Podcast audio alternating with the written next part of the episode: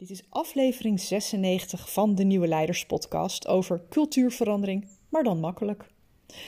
Deze week wil ik het namelijk graag met je hebben over een wat andere manier van kijken naar cultuurverandering.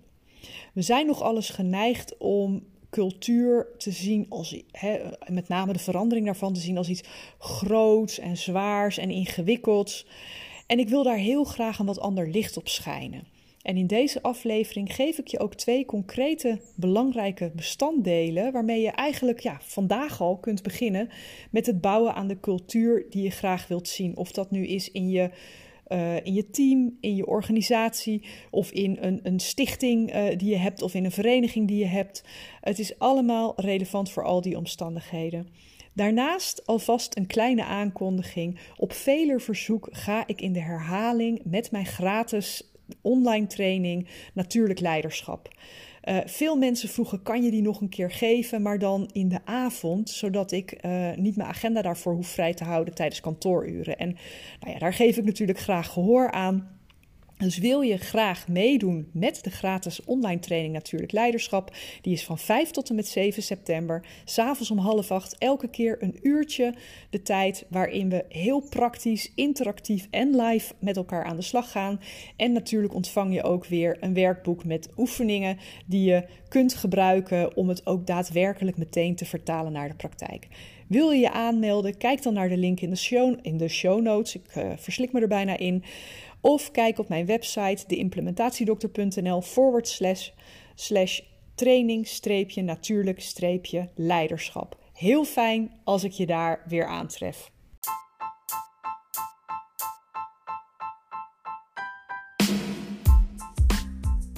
Nieuwe tijden vragen om nieuw leiderschap. Mijn naam is Petra Kuipers en vanaf deze plek neem ik je mee op onderzoek naar hoe we nieuwe vormen van leiderschap kunnen ontwikkelen in organisaties, in teams en niet in de laatste plaats bij onszelf.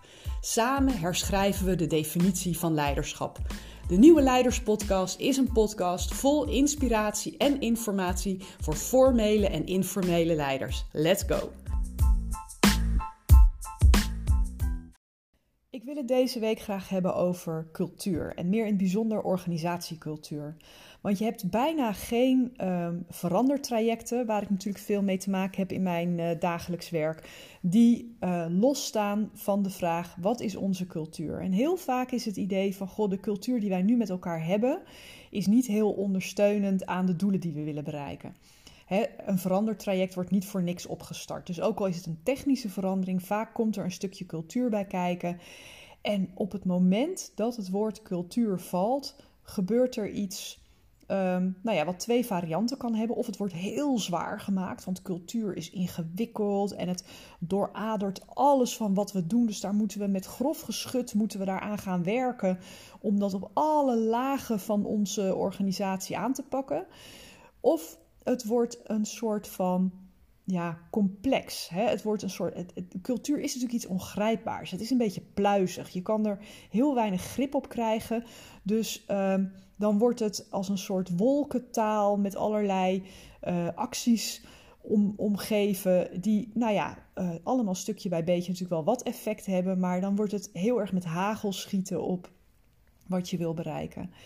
Nou, die, die complexiteit of vaagheid aan de ene kant en die zwaarte aan de andere kant, die hoeven niet per se. En ik wil je even twee uh, ideeën meegeven uh, in deze aflevering, waarmee je kunt beginnen om de cultuur te veranderen op een wat lichtere manier, wat speelser, wat luchtiger, eigenlijk heel praktisch.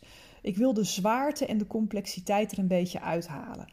En natuurlijk is een cultuur veranderen niet iets van we zetten de knop om en het is zo. Maar het is ook niet iets van als we maar een nieuwe huisstijl hebben en een nieuw uh, jaarplan en uh, een nieuwe communicatiestrategie, dan hebben we een andere cultuur. Het, het, is net iets, het ligt net iets anders dan dat. Laat ik beginnen met uh, het stuk Taal creëert cultuur. Of anders gezegd, verhalen creëren voor een groot deel de cultuur. Ik weet niet of je herinnert de eerste dag dat je binnenkwam bij de organisatie waar je nu voor werkt. Op dat moment ben je nog helemaal fris, je stapt er een soort van onbevangen in. En op dat moment kun je zien hoe de cultuur is. Welke verhalen worden daar verteld? Welke gebruiken zijn er? Welke woorden merk je terug? Welke woorden komen er heel vaak terug? Ofwel jargon of ja, uh, dingen die naar elkaar bevestigd worden. Je bent maar een paar dagen fris. Er is ooit onderzoek naar gedaan. Uh, en na zo'n 30 dagen ben je helemaal ingezakt zelf in het systeem, in die cultuur. En als ik jou dan vraag, um, goh, hoe is de cultuur? Dan is het bijna vragen naar um, hoe smaakt of hoe ruikt de zuurstof in jouw omgeving. Of aan een goudvis vragen van hoe is het water. Je kan het niet zien, want het is. Je bent er onderdeel van. Je bent zowel onderwerp als leidend voorwerp uh, van, van de cultuur. Dus in die zin Um, is het altijd goed om even die verwondering of die, die, die indrukken van de eerste periode terug te halen. Om te denken, ja, hoe was dat eigenlijk? Cultuur wordt heel erg bepaald door welke verhalen je met elkaar hebt, uitgesproken of impliciet. En um, die je met elkaar continu aan het bevestigen bent. En ik zal daar een paar voorbeelden van geven uit mijn eigen praktijk. Um, ik was een tijd lang uh, aan het werk voor een organisatie waar men van elkaar vond dat ze een familiecultuur hadden. Als ik ook vroeg hè, bij de kennismaking van hoe zou je de cultuur hier omschrijven, kreeg ik van verschillende mensen terug: we hebben hier een familiecultuur. Nou, dat klinkt warm, het klinkt gezellig, het klinkt inclusief. Maar je merkte al heel snel dat ook in een familiecultuur daadwerkelijk uh, dingen gebeuren die je in elke familie tegenkomt. Hè, dingen worden met de mantel der liefde bedekt.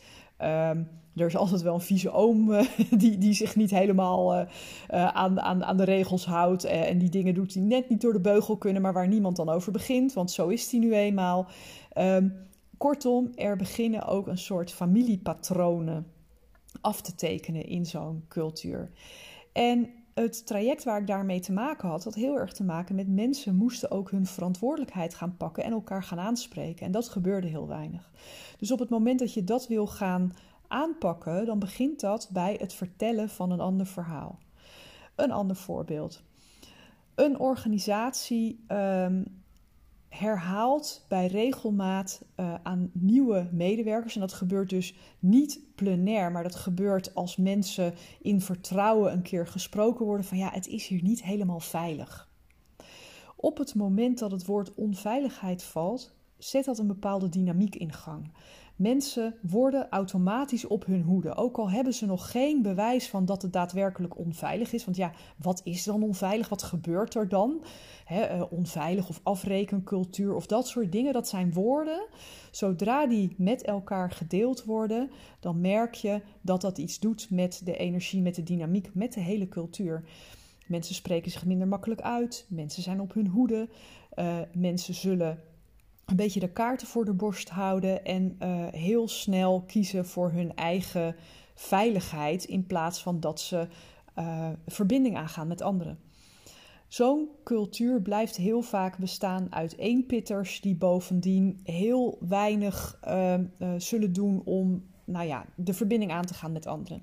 Dus woorden als onveilig, als afrekencultuur, die doen iets met de dynamiek. Een derde en laatste voorbeeld is over uh, een team wat ik ooit gecoacht heb en die tegen elkaar heel trots met elkaar aangaven van wij zijn heel erg gedreven. En gedrevenheid, daar kan je eigenlijk niet tegen zijn. Hè? Het is een hele mooie, uh, mooie energie. Ze waren heel resultaatgericht. Het waren aanpakkers. Hè? Uh, geen berg was te hoog of ze gingen hem aan. Maar in deze vorm van gedrevenheid zat ook een soort van uh, onderstroom van concurrentie. En dat leidde tot gedrag als allemaal de boventoon willen voeren in overleggen.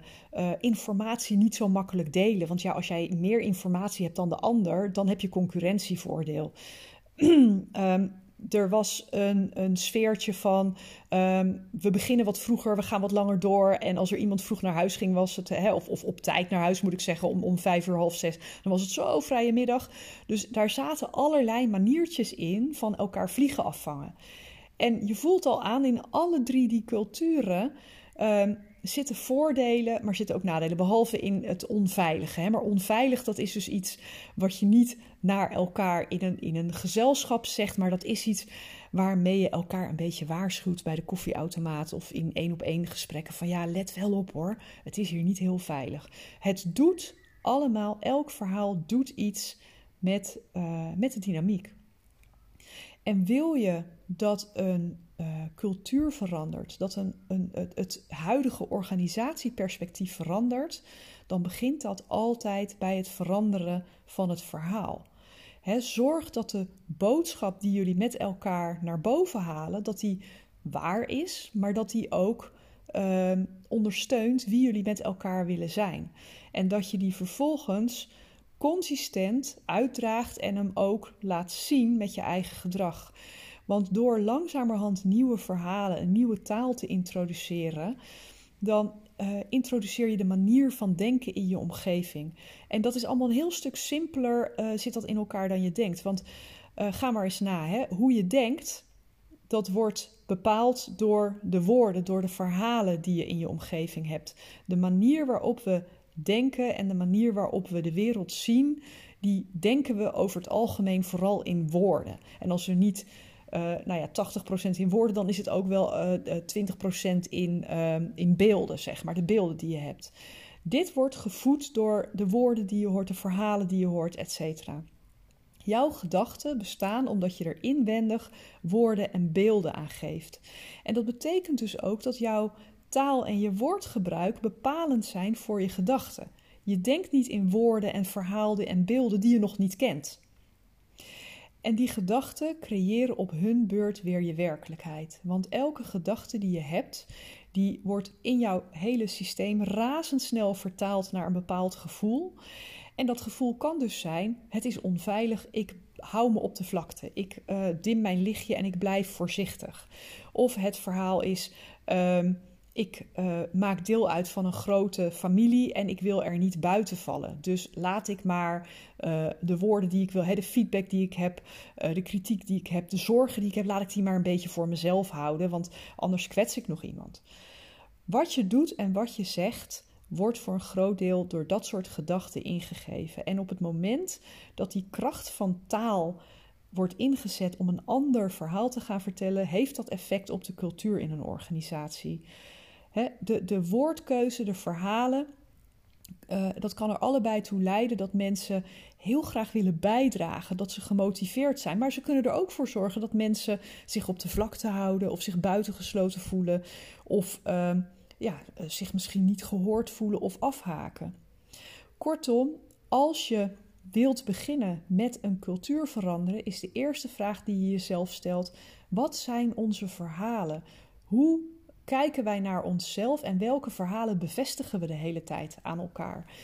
En hoe gaat een nieuw verhaal, hè, wat kan het nieuwe verhaal zijn, laat ik het zo zeggen, dat ook past bij wat we met elkaar willen gaan bereiken, wat we met elkaar te doen hebben?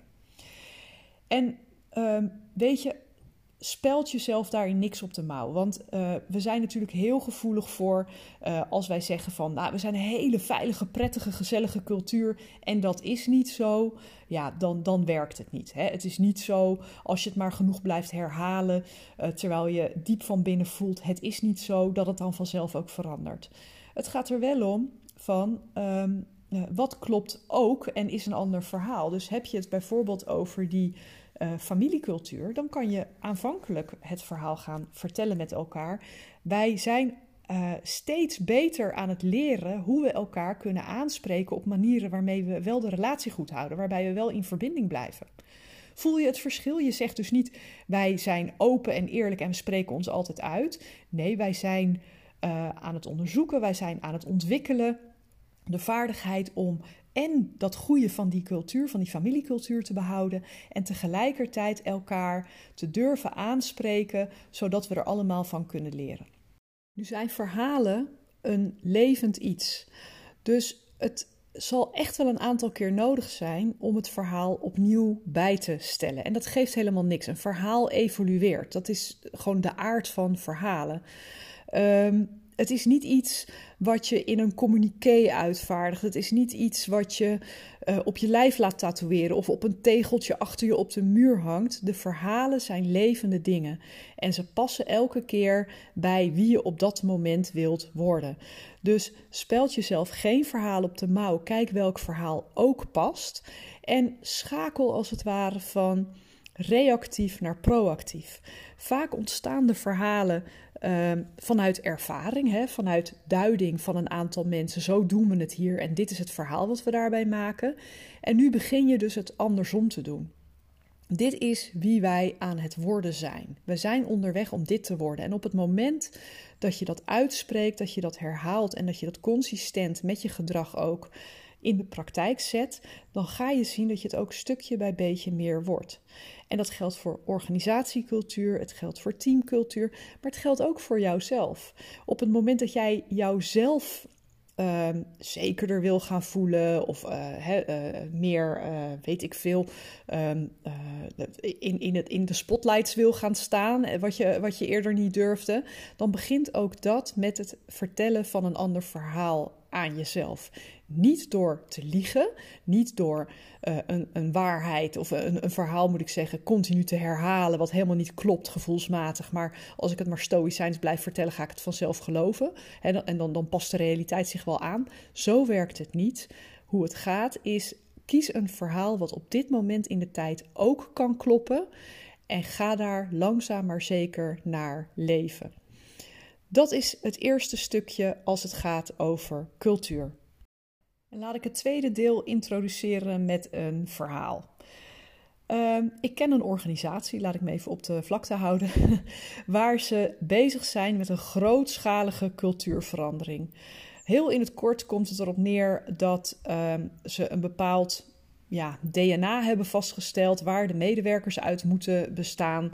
Dat daar een herstructurering achter zit en dat iedereen een soort van moet solliciteren op zijn eigen baan. Het heet formeel geen reorganisatie, maar uh, zo voelt het voor de medewerkers wel.